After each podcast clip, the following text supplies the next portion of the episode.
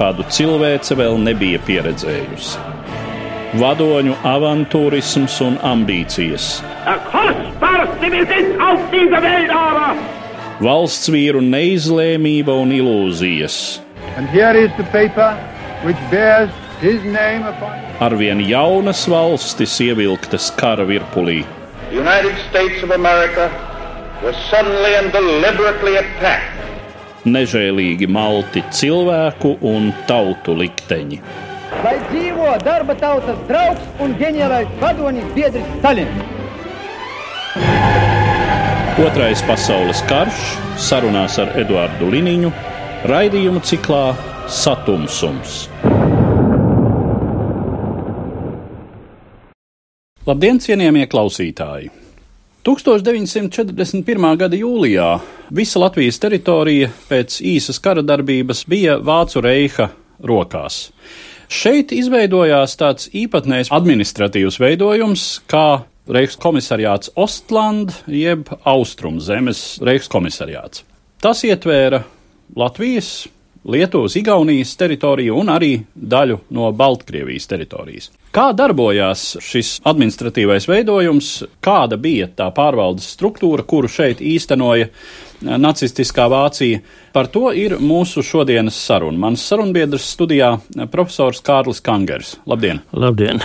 Būtībā, ka vācieši plānoja kara gājienu pret Padomu Savienību, tad nebija vēl nekāda skaidra plāna, kā pārvaldīt eventuāli iekarotās teritorijas.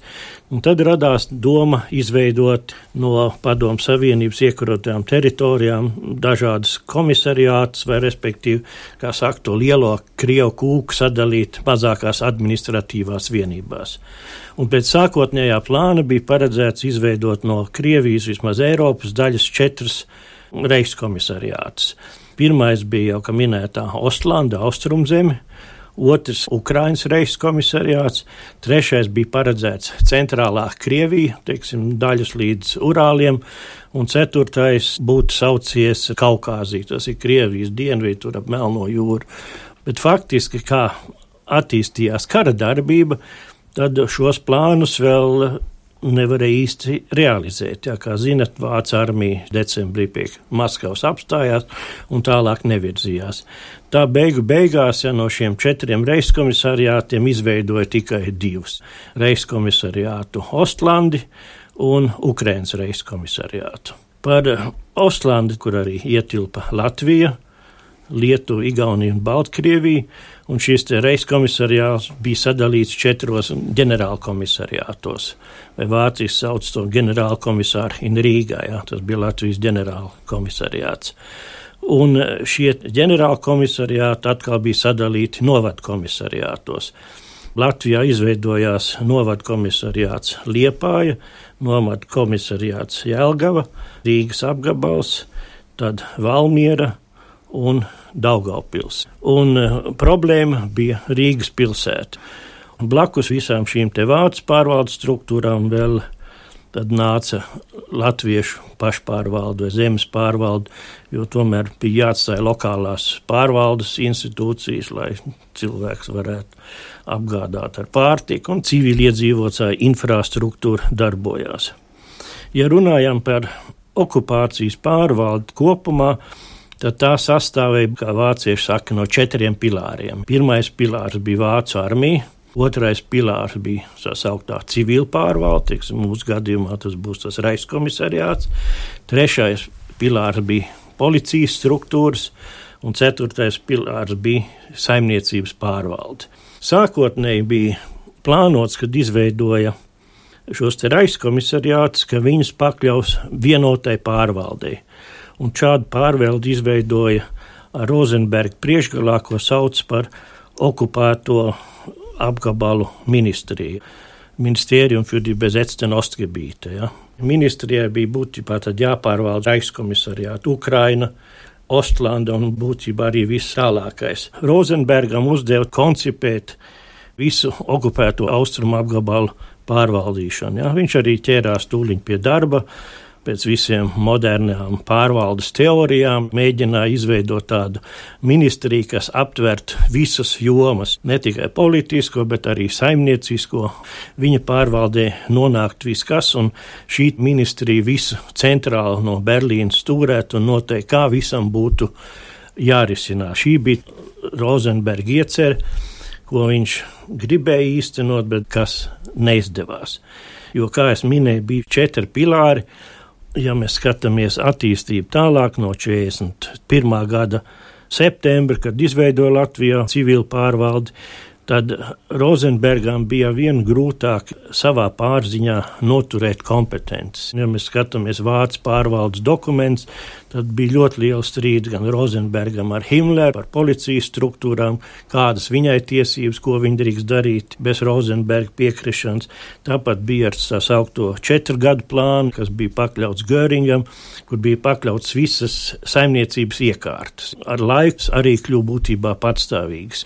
Rozenberga plāns plāns panākt centralizēto pārvaldīšanu diezgan ātri izjuka. Palika plāns uz papīra. Rozenbergam jau arī bija daudz, daudz teikšanu, bet, piemēram, svarīgās lietās tomēr šie citi pilāri panāca to, ka Hitlers viņiem deva lielāku varu, un tā kā Rozenbergs palika tāds eh, pievilcis no šīs centralizētās austrumzemes plānošanas nekas neiznāca. Un Rozenbergam arī bija savu koncepciju par Austrumu Eiropu. Viņš jau bija vecs Hitlera paziņa jau no pašiem sākumiem, jau no Minhenes laikiem.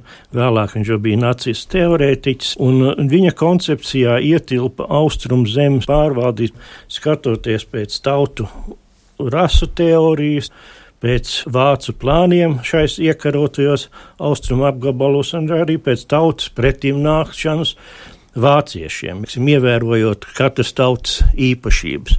Bet eh, plānojot kara gājienu Barbarosa, Hitleram jau bija savi plāni, tiksim, kā jau bija agrāk jau definēts, ja tur austrumos dzīvo zemcilvēki, untermenšani, ja, ka austrumu apgabali koloniāli jāizmanto un tam līdzīgi. Un tad sākās ļoti brutālā varas politika pret slāvu tautām, tiem definētiem zemcilvēkiem. Nu, jāsaka tā, laikam, kas attiecās uz latviešiem, tad, eh, cik man zināms, tad tas vērtējums bija tāds, rases tīrības ziņā eh, diezgan derīgi, bet pretim nākšanas ziņā vāciešiem visai apšaubāmi.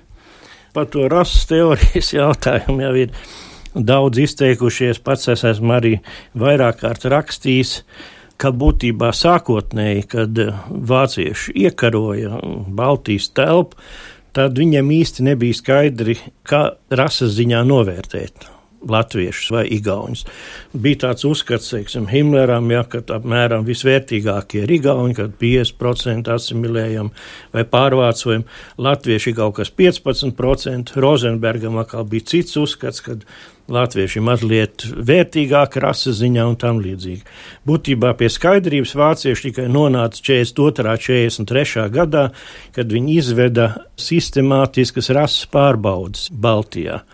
Un tas notika tā sauktā darba dienas ietvaros ka vervēja jauniešus darba dienestam, tad arī visi, kas pieteicās vai kuri gribēja studēt, viņam bija jāiziet tas viens gads darba dienas Vācijā, tā varēja atgriezties un iestāties universitātē. Latvijā pārbaudīja daudz, daudz tūkstošus, un atzinums bija tā, ka Latvijā, teiksim, neskaitot Latgali, apmēram vismaz 80% ir rases ziņā augstsvērtīgi, ja, ka tos varētu iekļaut pārvācošanas procesā. Latgaļus atzina, ka viņiem pa daudz ir tas austrumnieciskais piemaisījums, un ka nākotnē tad latgaļi būtu jāizsūta no Latvijas un jānometina Ļeņingrādas apgabalā. Un būtībā pēc rases kritērijiem Latgaļi arī tika pielīdzināti lietuviešiem. Ja. Vēl jau bija tas sauktais ģenerāla plāns Ost, ko izstrādāja Himlera vadībā. Tas bija domāts no sākuma 50 gadu perspektīvē, kā kolonizēt visu austrumu telpu, ka Latvijas apgabali, kas ietilpa vāciešu nākotnes plānos, būtu pievienojami Reiham. Šitais arī bija viens apstākļus, kāpēc uz Latvijas teritoriju skatījās labāk nekā uz Baltkrieviju. Tā bija paredzēta kļūt par Vācijas Reicha teritoriju. Varēja panākt to, ka viņiem labāk apgājās. Bija lielāks ēdienu kaloriju daudzums, varēja saņemt, zinām, pieeja kultūras brīvība lielāka. Neteiksim, ka tas bija privileģēts stāvoklis, bet salīdzinot ar tiem sauktiem citiem zemcilvēkiem, tas bija labāks. Bet, nu, būtībā, protams, kā padomju politika šeit, tā vācu reiha politika, nenoliedzami attieksme pret latviešu tautu, pret latviešu nāciju un pret Latvijas valsti bija impēriska kolonizācijas politika. Jā, tas ir nenoliedzami, bet kara gaitā, ja vajadzēja leģionu veidot, tad varēja pieļaut zināmas brīvības. Ja vajadzēja varbūt kaut ko citus labumus izspiest propagandā no latviešiem, tad varēja zināmas spaidas mazināt vai, teiksim, mainīt akcentus un tam līdzīgi. Bet principā no sākotnējiem plāniem, kā es minēju, ģenerāla plāns Osts jau bija būtībā visus latviešus evakuēt uz Krievijas iekšieni, ja, lai tur viņi kolonizē pārvalda Krievs. No sākotnē nekāda pretim nākšana liela nebija paredzēta, bet apstākļu uz vietas, kara gaita, teiksim, arī tomēr zināms Rozenberga pozitīvs novērtējums tomēr sekmēja ka tā dzīve atšķīrās no dzīves padomu savienībā. Tāpat, piemēram, ka vajadzēja darba spēku vērvēšanas akcijas izvest Latvijā un tam līdzīgi, tad tomēr neizved tādā skālā kā Baltkrievijai vai Krievijai, tas augtos Osterbaiters, piespiedu strādnieku sūtīt uz Vāciju. Ģenerāla komisārs skaidri atzina, mums ir uzdevums apgādāt tuvā laika plānos armiju, mēs nevaram dot darba spēku prom, ja, ka viss darba spēks jāpatur Latvijā. Un tāpēc ar tādas piespiedu akcijas tikai bija mazas un ļoti maz skaitā aizsūtīja no Latvijas uz Vāciju piespiedu darbos. Bet atgriežoties pie tā austrumu ģenerāla plāna, te jau bija paredzēts izveidot vācu saimniecības struktūras, ievest vācu kolonistus. Un no sākuma jau pēc eh, šiem plāniem bija paredzēts, ka vislabākā pārvācošana ir, ka šos cilvēkus no šiem apgabaliem aizsūtīt uz Vāciju, viņi padzīvot tur un tad pārvācotos.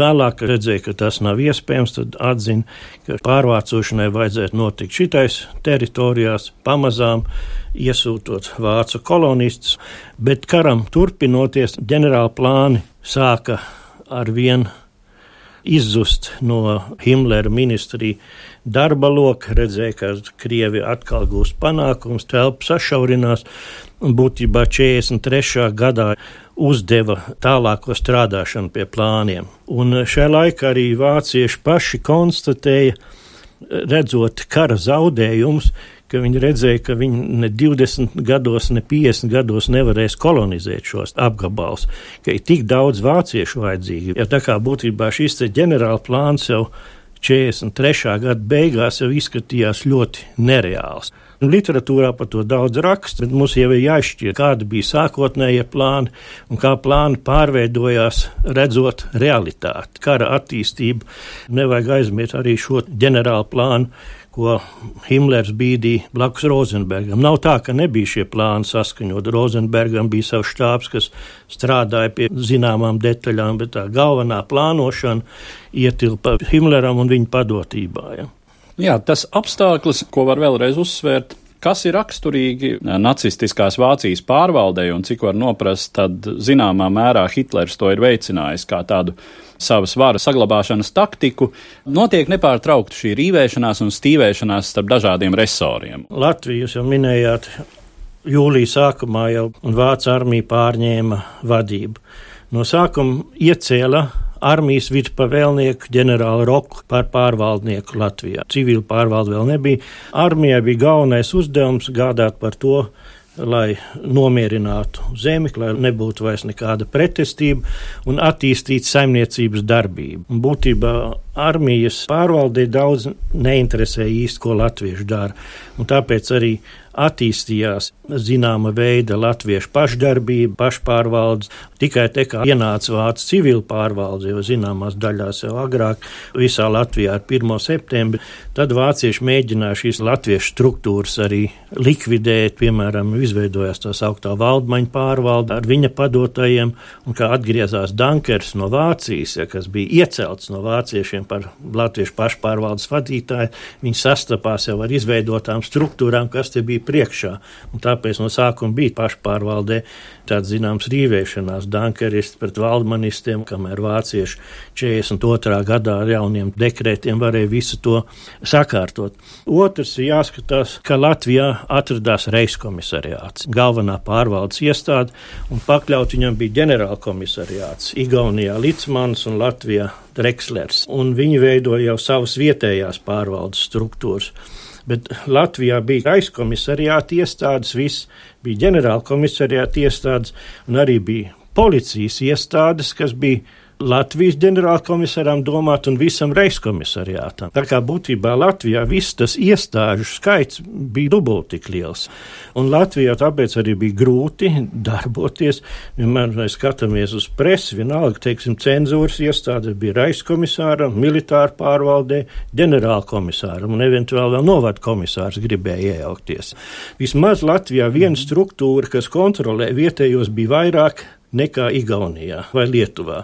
Tāpat arī policijas struktūrām nebija tikai SD un drošības policijas komandieris Langi, bet bija vēl viņa priekšnieks, kas bija pa visu Ostlandes drošības policijas pavēlnieks. Tāpat kārtības policija. Jā, pie kam šie policijas augstākie vadītāji bija pakļauti Reichskomisāram, jeb tiešā veidā. Te, te, teiksim, viņi bija pakļauti principā Himleram.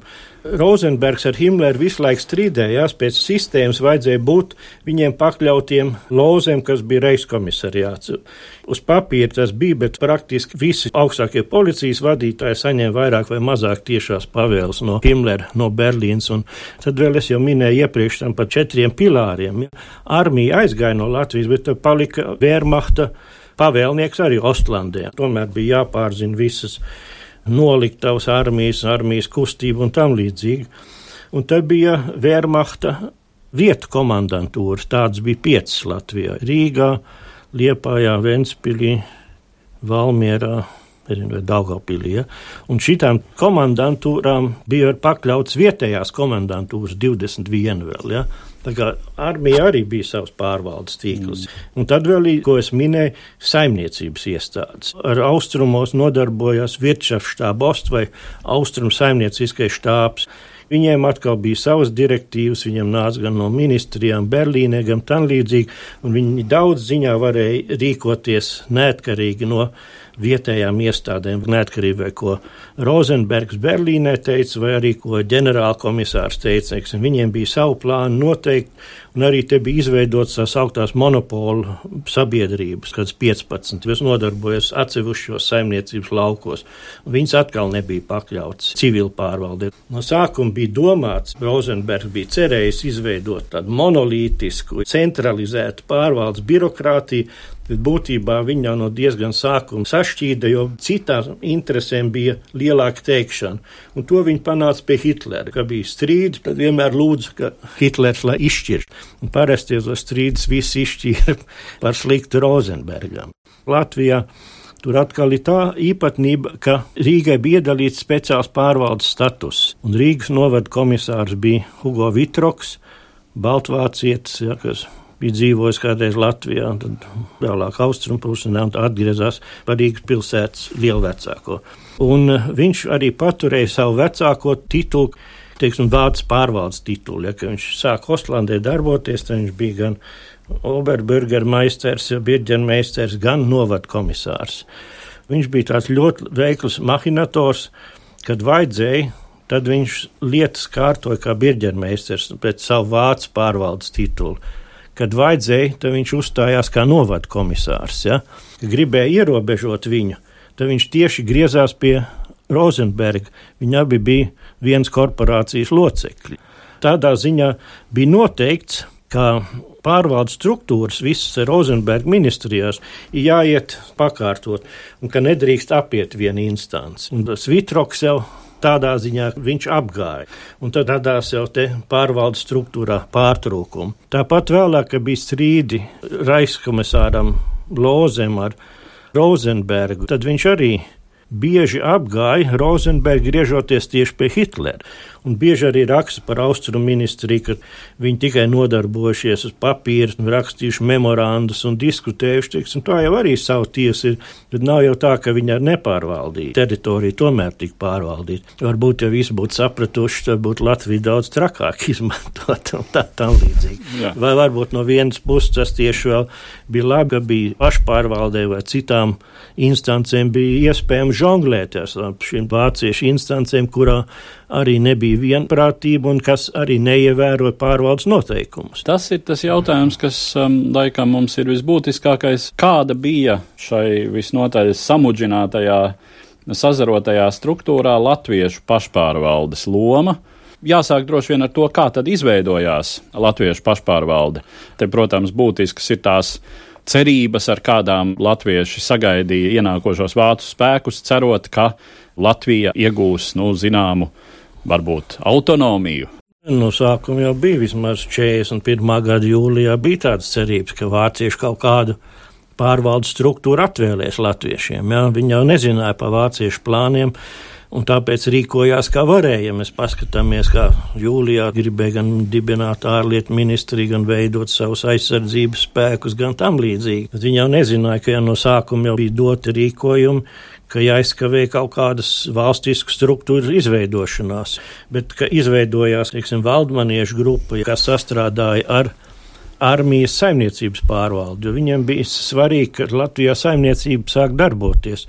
Piemēram, viens no saimniecības vadītājiem, kas ienāca Vācu armijā, bija vecs valdmaņa paziņa. Nu, tādā ziņā Valdmans tūliņ varēja ieņemt tādu redzamu pozīciju, organizēt savējos.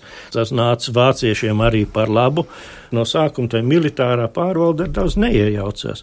Pati militārā pārvalde 42. gada beigās izdarīja tādu izvērtējumu par vispār okupētiem austrumu apgabaliem. Viņi paši atzina, ka viņiem nav būtībā doti nekādu norādījumu. Tu zini, kā pārvaldīt. Ir rīkojušies tā, improvizējot, uz, ja, improvizējot uz vietas, pieņemot lēmumus. Un tas arī savā veidā deva iespēju ja neizveidot kaut kādu centralizētu latviešu valstisku aprātu, bet izveidot savu pārvaldu diezgan spēcīgi. Un uh, bija jau paredzēts atvest Dankeru un citas iecelt no Vācijas, kuras izraudzīja toreiz Kanāris un Rozenbergs kopā. Kanāris bija apvēra vācu slepenā dienesta šefs. Dankeram bija uzdevums latviešu izveidošo pārvaldi pārvest vācu rokās. Viņam vajadzēja braukt kā savu veidu likvidatoram, ja? bet tā arī to pārvaldi nenolikvidēja. Un tad 42. gada martā Rozenbergs izdeva arī vietējo zem pašpārvaldu dekrētus, kuriem tad skaidri noteica pārvaldes funkcijas. Nu, sākumā jau bija domāts, ka visu eh, darbu darīs zemes pašpārvaldes, un vācieši būs tikai uzraudzības pārvalde, un tā tas arī tika definēts bet daudz vācu pārvalda kā gribēja paši sagrābt sev visu savās rokās. Bet, kā jau minēju, tā problēma jau bija Rīgas pilsēta, ka tā neietilpa Latvijas zemes pašpārvaldes kompetencēs. Visi atzina, ka latvieši būtībā bez Rīgas neko nevar pārvaldīt. Un it sevišķi par to iestājās ģenerālkomisārs Drekslers. Rīgas pārvaldes status esot jālikvidē un jādod latviešiem, lai var izveidot nopietnu pārvaldi. Un te atkal nāk tas vitroks spēlēt šos plānus. Rīgu iesaistīt arī zemes pašpārvaldē, diskutēt, tad Vitroks atkal griezās pie Rozenberga, viņš spēja visur nobloķēt. Drexler mēģinājums, un tā tas gāja līdz 44. gada septembrim, oktobrim, kad vāciešiem bija Rīga jāatstāj. Tā kā tas Rīgas jautājums nekad netika atrisināts, un tā arī īsti Latvijas zemes pašpārvaldes darbības joma arī tā netika galīgi skaidri nodefinēti. Ja palika tik tāda, kā saka, vāciešu rumfervaltung vai tāda rumpi pārvalda, tikai daļas pārvalda, kas nebija, teiksim, uzskatām par īsti. Kas bija tās kompetences, kuras tika atvēlētas latviešu zemes pašpārvaldei? Mm, kompetences jau nevarētu teikt, ka tika atvēlētas. Vācieši jau paturēja pāraudzības funkcijas visas. Latviešiem bija tikai jāizpild tās pavēles. Viņi būtībā paši ar ierosinājumiem nevarēja nemaz nākt bet ļoti lielu autonomiju vācieši atstāja kultūras jomā. Nebija nekāda vadlīnija, un 42. gadā, kad izveidoja pašpārvalde, viņi var noteikt tā. ka kultūras lomā latvieši var darīt visu, kas netraucē tālējošo plānu realizēšanu. Tālākā laika plāna bija ģermanizēšanas plāna un Baltijas valstu teritoriju pievienošana Vācijas reiham. Tā kā kara laikā viņi atzina šos plānus nevar realizēt, tad viņi tika definēti kā tālā laika plāni un atstumti tālā nākotnē. Kultūras politikā būtībā galvenokārt kontrolēja pakļāvu vēsturi. Ulmaņa laikā Vācijā iznāca vēstures žurnāls Jomsburg, kur baltvācieši arī rakstīja, un viņi uzskatīja, ka Ulmaņa laika vēsture nacionalistiska, vēsture pret baltvāciešiem un tam līdzīgi, un interpretējot Latvijas vēsturi nepareizi. Un tad, kad viņi 41. gadā atkal ienāca Latvijā, tad Latvijas vēstures institūts slēdz, un Štrickis, kas toreiz bija ja, kultūras nodaļas vadītājs, nāca savu vēstures programmu, ka latviešiem savu vēsturi nav vajadzīga tikai zemes vēsture, un tāpēc arī universitātē vēstures katedra neatjaunoja. Un kad vēstures kursus mācīja, to visu mācīja vācieši. Tā ir Latvijā ar to vajadzēja apzināties, ka kopā tikai vāciešiem latviešu tautai nākot, un ka viņi nav ar vāciešiem, tad viņiem ir slikti, kā piemēram 40. 41. gadā, jā, ka bija kopā un bolševikiem un tam līdzīgi.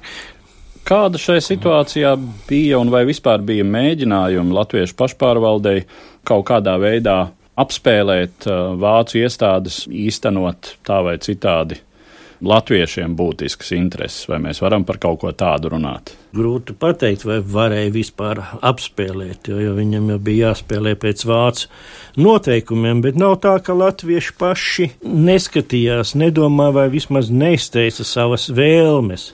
Piemēram, es pirms pāris gadiem publicēju par tādu rakstu, kur es apskatu, ka latvieši atsaucās uz to, ka Latvija ir okupēta nelikumīgi, ka Latvijas valsts pastāv tālāk kā starptautisko tiesību subjekts, ko arī rietumos sāka 40. un 41. gadā attīstīt teoriju par Latvijas tālāk pastāvēšanu. Tam nebija represīvu seku. Dažkārt vācieši piedraudēja, ja viņi turpinās vai neatsauks, ja tā visus liks koncentrācijas nometnē. Bet ir atsevišķi gadījumi, ka bija par kuģiem jautājums, ka vācieši, ko bija nacionalizējuši, ka Latvija prasīja atpakaļ, tad viņi pamatojumu rakstīja, izējot no šīs tālāk pastāvēšanas tēzes. Jautājums bija diskusijas par leģionu, ka iesauc leģionā, ka norādīja, ka tas ir pretiesisks pēc Hāgas eh, sauszemes kara vešanas konvencijas 1907. gada. Vācieši nedefinēja Latvijas pavalsniecību, vai kā būtu jāsaka šodien, pilsonību. Latvieši prasīja skaidri un gaiši, lai pasaka, vai viņi ir Latvijas pilsoņi vai Padomu Savienības. Un vācieši uz šo jautājumu neatbildēja. Latvija argumentē, ja mēs esam Padomu Savienības pilsoņi, tad jūs piespiežat karot mums pret savu valsti. Tas ir noziegums. Jā, bet ja mēs esam Latvijas pilsoņi, tad tas nozīmē, ka pastāv Latvijas valsts. Jā, jā, bet vācieši jau principā atzina, ka latvieši ir padomu savienības pilsoņi. To viņi nekad atklāti nav teikuši, kad bija jautājumi par īpašumu piederību. Tad tas tika Berlīnē tādās lielās konferencēs izdiskutēts, ka latviešu ienaidnieku valsts pilsoņi, PSRS pilsoņi.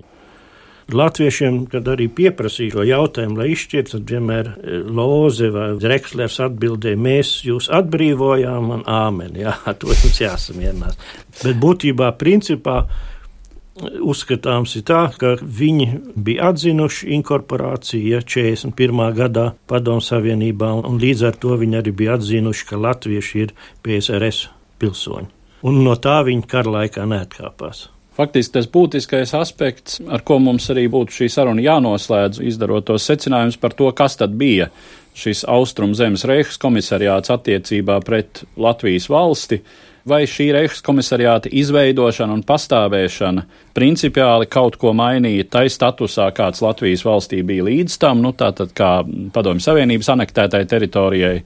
Kāds tas bija pēc tam? Domāju, tur nekas nemainījās. Tā, tā bija tikai vācu radīta sevišķi pārvaldes struktūra, kas arī būtībā Latvijas starptautisko tiesību status neiespaidoja. Un arī bija nākotnes tālējošie plāni, kādreiz šīs teritorijas pievienot Vācijai. Tas jau arī tikai bija uz papīra, kas bija paredzēts 50 gados.